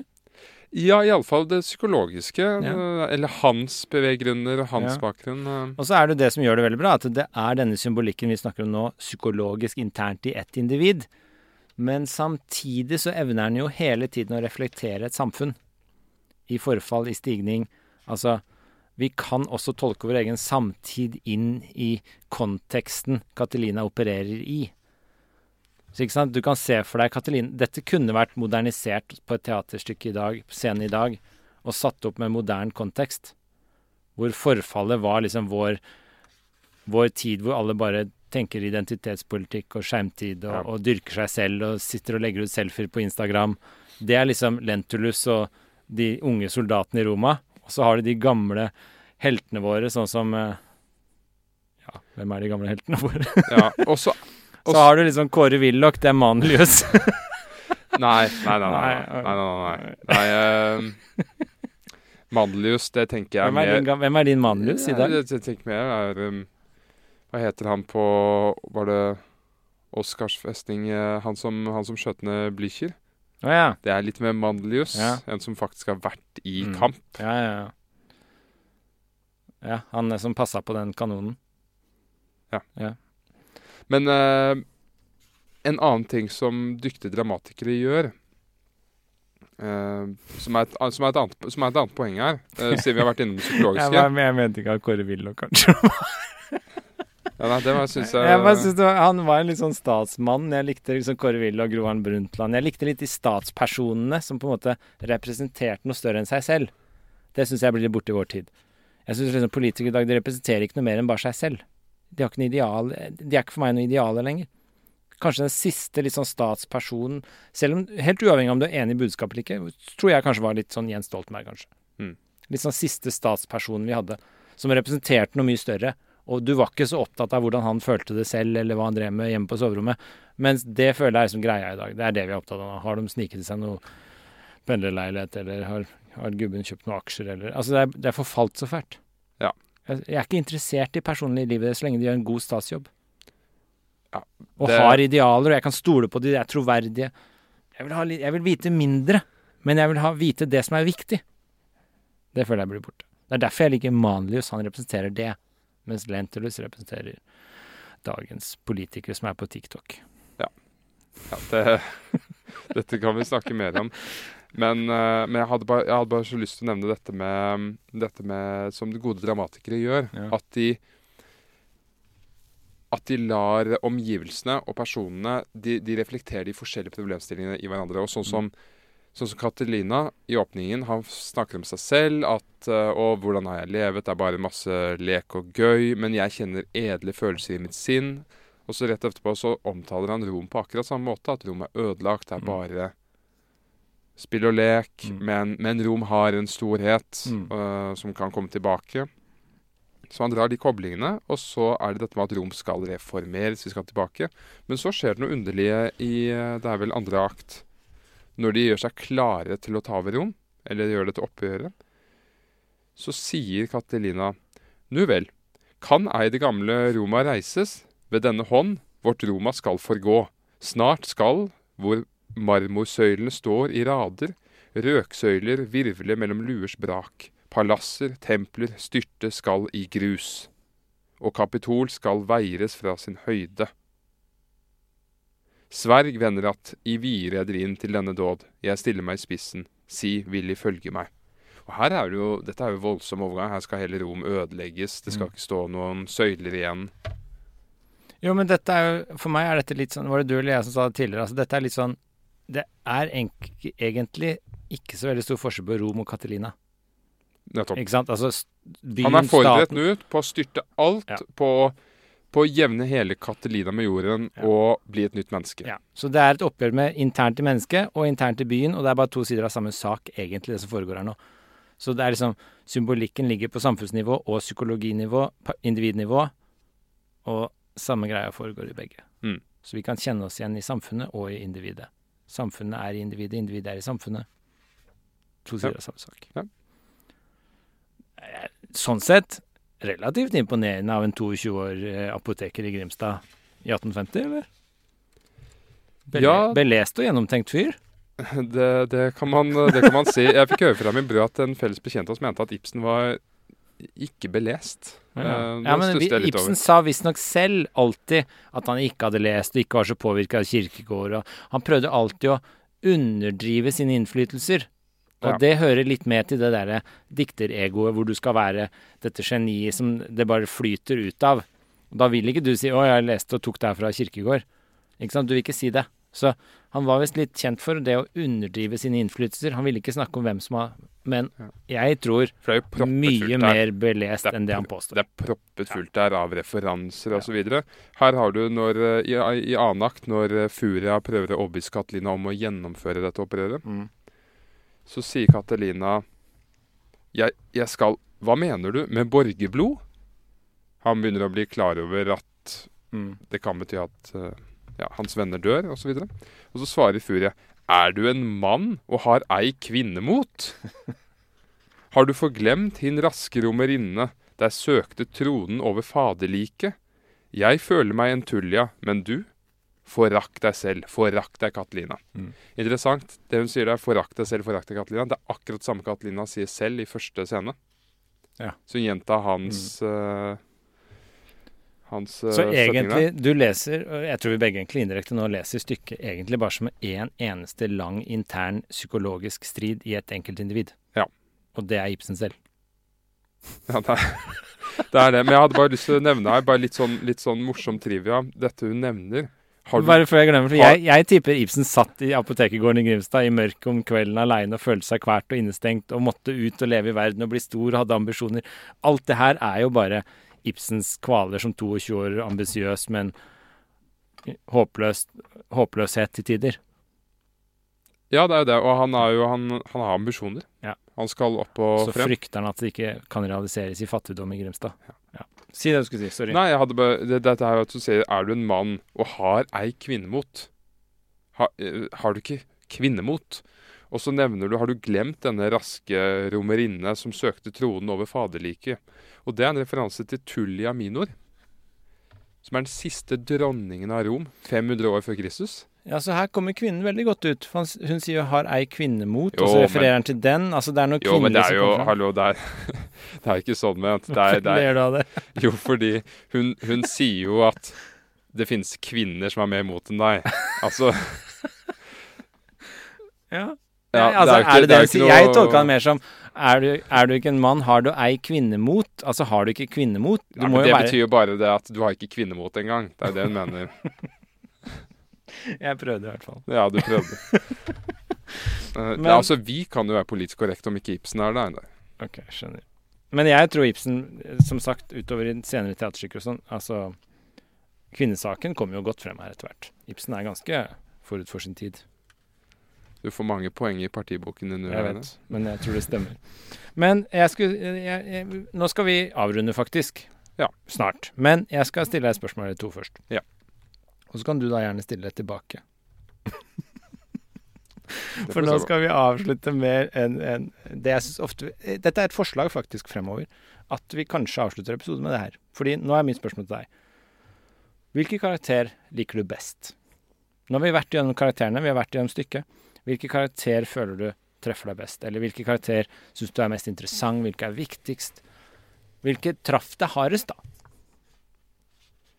Hvilke identifiserte du deg mest med? For vi har jo litt av alle Ja. i oss alle. Så spørsmålet er bare hvem Hvem er din Furia? Furia er åpenbart den som driver Ja. Ikke sant? Jeg hadde så lyst til å, så lyst til å si at jeg identifiserte meg mest med han, han gladiatoren som sier at Han som skal drepe Catalina, som sier at ja ja, spiller det noen rolle hvem vi skal drepe? Det er jo Lentulus som betaler, så han får ta Ansvaret. ansvaret. Ja. men eh, men det, er- det er nok ikke det. Men jeg okay. syns jo det er morsomt. da. Jeg syns jo den, den oppriktigheten er veldig fin. Ja. At man er veldig klar over sin stilling. Mm. Ja, jeg får betalt av ham, og Mm. da er det han som bestemmer. Hadde bare Kultur-Norge vært sånn. Men, eh, men Ja, ærlig, ja. Ja, i stedet for å bare være det pattebarnet, men ikke være ærlig. Ja.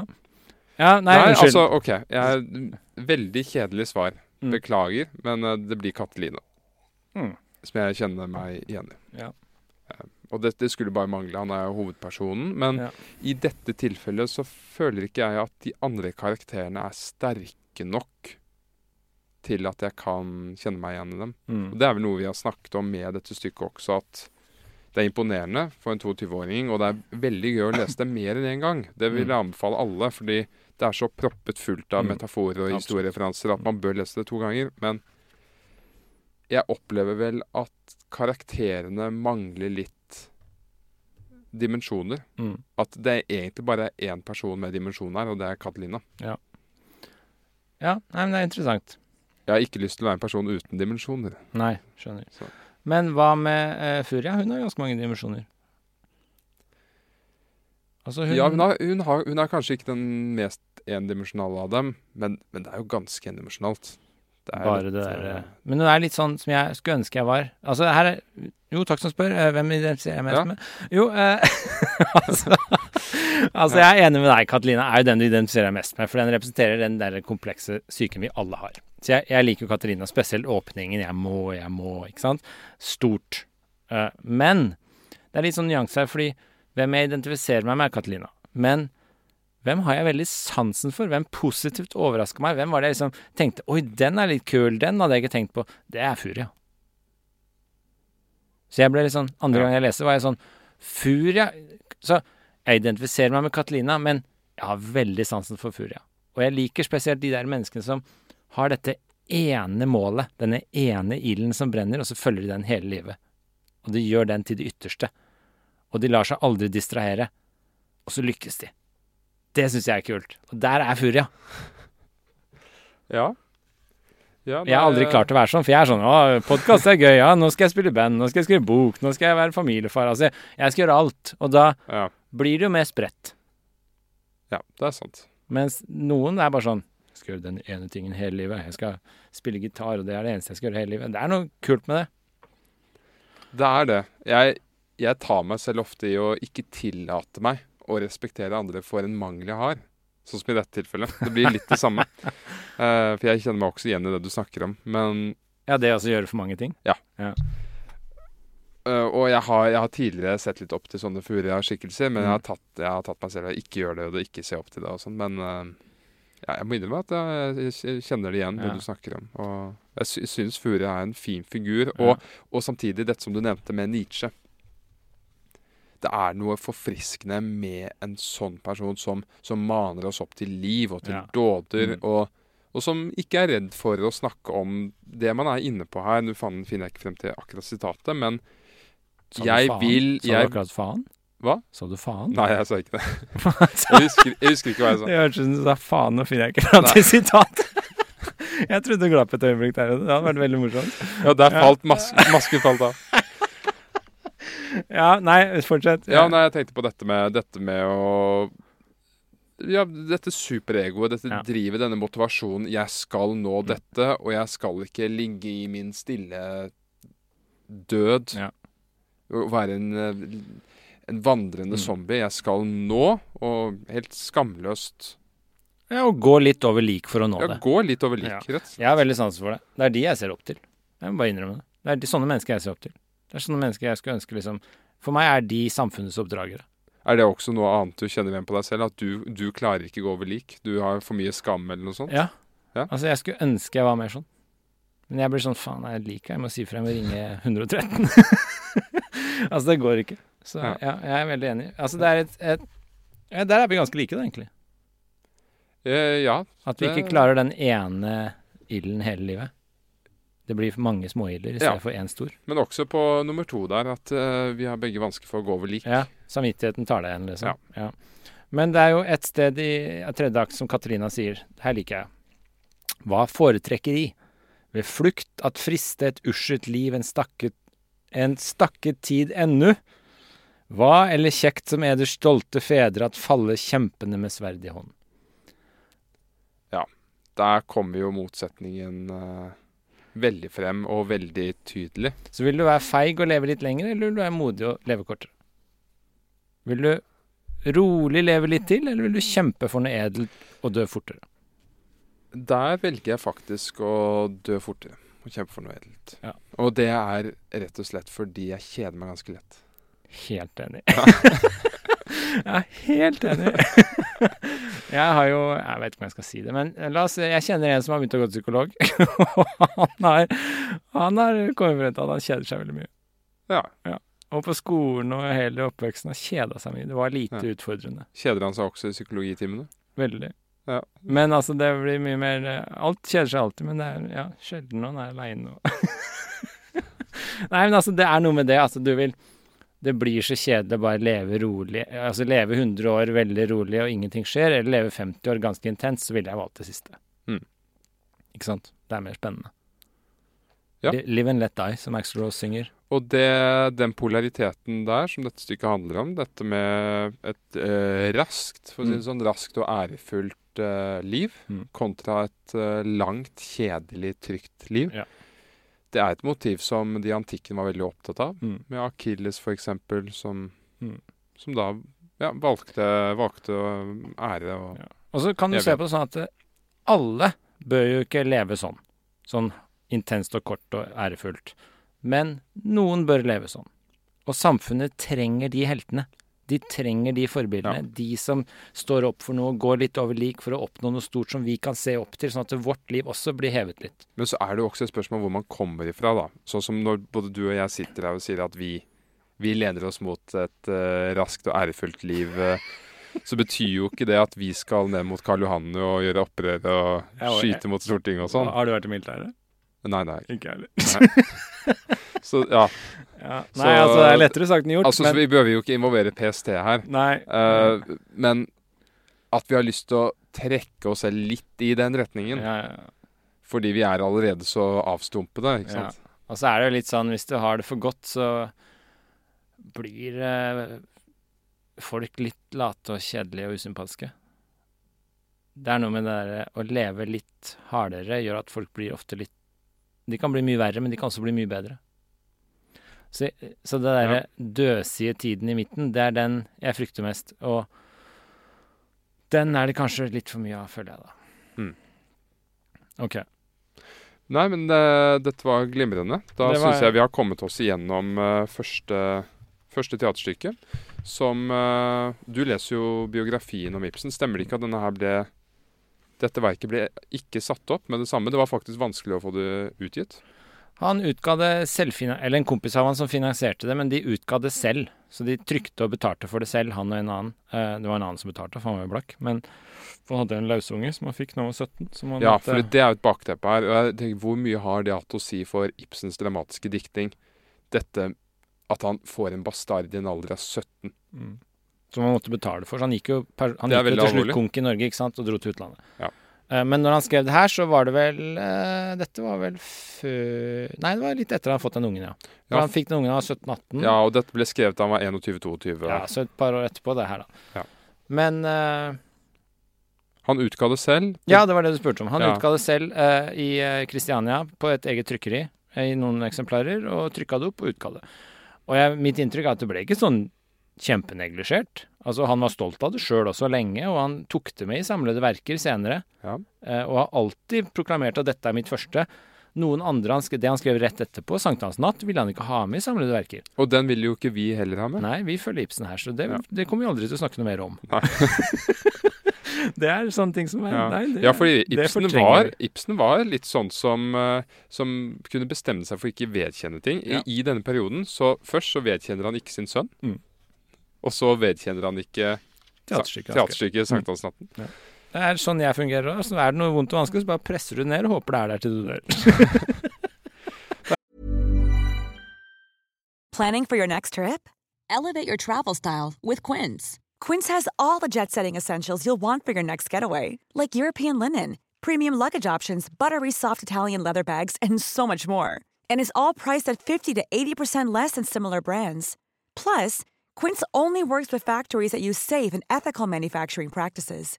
Pack your bags with high-quality essentials you'll be wearing for vacations to come with Quince. Go to quince.com slash pack for free shipping and 365-day returns. Godt. Ellers Så- kan du bare vente, vente til en demon kommer, kommer tilbake til, Til en furia kommer og tar det opp, og så forløser Også, jeg meg og blir til meg selv. Om det er veldig hardt, så får du i alle fall et teaterstykke i fanget. Veldig bra. Men Katelina er, hvis vi skal avslutte, hans første fra 1850. Han var 22 år. Imponerende verk. Er du enig? Imponerende verk. Absolutt. Jeg er 45, jeg hadde ikke klart å skrive det her. Jo da, hvis du hadde Ja, bare tatt deg litt sammen. klart. Jeg prøver bare å være moderat og hyggelig. ja, nei, men det er veldig bra. Ja, nei, men dette her er en eh, Allerede som 22-åring så har han nådd eh, Nådd det, det min far kaller idiotnivået. Ja. Min far har jo lansert dette uttrykket 'idiotnivå', Mm. Som, som jeg gjerne har litt lyst til å arbeide videre på. Jeg Ja. syns det er et veldig fint begrep. ja, si hva det er. Vi snakka om det her før, men si hva det er. Altså, Odd har jo beskrevet det med seg selv at for malere og tegnere og sånn, at på, til et visst punkt så når man sitt idiotnivå. Mm. Det er når det er blitt så godt man kan gjøre det. Odd mener han nådde det da han var 21 eller noe sånt. Mm. Og at siden da så har han kanskje malt større, uh, malt mer interessante historier, men ned, ned på skissenivået, ned på evnene, Mm. så har det ikke gått noe videre siden da. Nei. Så det mener han er idiotnivået. Så det er en sånn threshold du kommer Ja, over. Sånn, Men jeg har gjerne lyst til å dra det begrepet til litt mer universelt plan. ja. Og si at idiotnivå er på en måte når du kommer over på et nivå, noe du kan vedkjenne deg, apropos Ibsen. Eller Mm. noe som kan stå, på en måte, Mm. på egne ben. Den trenger ikke krykker. Mm. Vi, har, vi snakket Ja. om det, at uh, du har et portrett, og du kan si at det kommer opp på et nivå hvor du hvor du tenker ikke at det er noe feil med en gang du ser det. Ja. Det er, sånn, det er det thresholdet jeg tenker på, den grensen når du kommer over den. At du får de evne og lærer deg å tegne sånn at det, når du har tegna et selvportrett, f.eks., så er det ikke kleint. Ja. Det er ikke sånn skakt og rart, og det er ikke sånn at du ser på det og så bare sånn Ja, det var hyggelig å bli bedt på utstilling. Ja. du tenker liksom sånn Oi. Ikke sant? Altså det, er, det, ro, det er hviler litt i seg selv, det bildet. Det er ikke lenger kleint og teit og stokk og vakler og faller til den ene siden. Og det er på en måte blitt en harmoni i det, og det er blitt en stil og en evne som du skjønner liksom at ja, den er, dette er liksom, det er sånn dette er. Uh, og det er idiotnivå, kanskje. ja. Ja, Det, det, det, det, gir mening at det er en sånn threshold der. ja, og det er nesten, du kan nesten kalle det nivået også for kritikknivå. Det er kommet på et sånt nivå hvor det kan kritiseres. Ja, ja. Mm. Fordi før, når det er dårligere enn det nivået, så er det på en måte Hva skal jeg kritisere? Alt er feil. Ja. Eh, og For å dra det tilbake til Ibsen, da, jeg syns definitivt at Catelina er over idiotnivå. Han har nådd sitt idiotnivå. Mm, på første stykket han skrev. Ja. Jeg er helt enig. Og dette gjelder jo på veldig mye. Det gjelder f.eks. i gitarspill. Du kommer til et nivå hvor du på en måte kan spille, og det er ikke lenger kleint. Ikke Ja. sant? Det er ikke teit. Du er ikke noe at andre i bandet står og ser rart på deg. Mm. Du er med. Ja. Eh, det gjelder eh, tegning, det gjelder skrive artikler, det gjelder akademia på universitetet. Studentene mine. Mange av de kan komme opp på dette idiotnivået. Det betyr at de kan skrive en eksamen og gi en besvarelse som jeg kan rette og liksom bedømme rimelig fornuftig. Mens før det så er det en haug med studenter som det, Jeg får de inn og så tenker jeg bare hva er det her for noe? Det er jo ikke tegn til liv her. Ikke sant? Altså Da er du ikke nådd det nivået ennå. Du har ikke knekt koden for å skrive eksamensbesvarelser som er bra nok. Eh, Så jeg tror det er et godt begrep din far har der. Dette Ja. kan brukes på veldig mye. Hvilke nivåer har du nådd eh, idiotnivå på? Hvilke ting har du nådd det på? Uh, jeg nådde på tegning og maleri, mm. og så piano og uh, sakprose. Ja. Det ville jeg sagt er de tre tingene jeg har nådd. Mm. Kanskje fremføringer. Les, Eh, Ibsen? Ja, for eksempel. Ja. Uh, eller altså å fremføre et litterært verk Ja. verbalt. Mm. Har jeg, tror jeg har nådd det til Ja. idiotnivå. Jo, hvor er jeg nå? Jo, takk som spør det. Uh, altså, jeg har Jeg beklager, jeg er dårlig på å spørre. Jeg er vant, vant til å være gjest, jeg, vet du. Ja, jeg er jo ikke læreren din. Vi er mutual her. Ja. Nei, altså Jeg tenker at um, Jeg har nådd det på tegning, Mm. men ikke maling. Ja. Jeg er fortsatt under idiotnivå på maling. Tegning har jeg nådd det. Eh, skrive sakprosa. Tekster, bøker. Spille gitar. Ikke piano. Ja. Spille gitar. Ja, nei, det er sånn to-tre På ting, På sakprosa så har du kanskje nådd mest, mesternivået. Du har skrevet såpass mange verk at man kan si at du mestrer det. Ja, ja, ja, så du tenker det er liksom mesternivået er litt høyere? Altså Jeg tenker at folk bruker uttrykket 'mester' altfor lett. Jeg tok en mastergraden, eh, liksom. Mester burde være Altså, det at man mestrer noe, kravet til det bør være at man kan gjenta det Jeg er helt enig, faktisk. Altså, når du flere skriver, ganger Ja, på et visst nivå, og på en, bare på et sånn bestemmelsesnivå. Jeg skal skrive det, og så gjør du det. ja, jeg er helt enig. Altså, hvis du leverer en eksamen eller en bachelorgrad eller en mastergrad, og av og til ph.d.-grad også, så har du egentlig ikke nådd det nivået. Du er på idiotnivå, men du har ikke nådd den Ja. derre Jeg skulle laget en eget nivå, rett og slett. Jeg har Ja. kommet med så het idiotnivå. ja, ja, det er alt under professor. Ja, ja. altså, idiotnivå er evnen. Det er Ja. ikke, det er ikke Ja. higen. Nei, skjønner. Ja. Men, men ja, det, da kan vi jo konkludere med at Katlina er som sagt imponerende verk. Eh, Jeg tror vi begge er enige om at eh, mye av det han skriver senere, er eh, dypere og bedre karakterskildringer. Og, Ja, det er litt mer sånn konkrete, levende, tredimensjonale karakterer i de senere verkene. De blir liksom bedre. Mer virkelige, på en måte. Ja. De kommer mer ut av boka og prater med deg. Men, uh, men iallfall, han har solid førsteutgivelse, Mm. Ibsen, så han beviser jo veldig tidlig at han er klar for å, Absolutt. klar for å lage litt bråk i litteraturverden. Men da skal vi ses neste uke. Det gjør vi. Og da er det 'Gilde på Solhaug', som er skrevet eh, noen år senere. Ja, fem-seks år senere, tror jeg. Vi tar hvert fall, vi følger den samlede verker, så vi tar Gilde på Solhaug som nummer to. Det er jo litt uklart akkurat blant de første spesielt hvem som er skrevet når. Katelina var først, men Gilde på Solhaug og det som kom etter. Ja, eh, fru Ingrid fra fru Inger eh, Fru Inger til Østerått. Ja, altså hvem av de er skrevet først, og hvem kom ut først, og når ble de oppført først? Det er litt sånn uklart, men de kom omtrent sånn 56-57, står det her i bøkene, så Men vi kjører Gilde på Solhaug neste gang. Det gjør vi. Da ses vi om en uke. Gleder meg. Produsert av Klinge.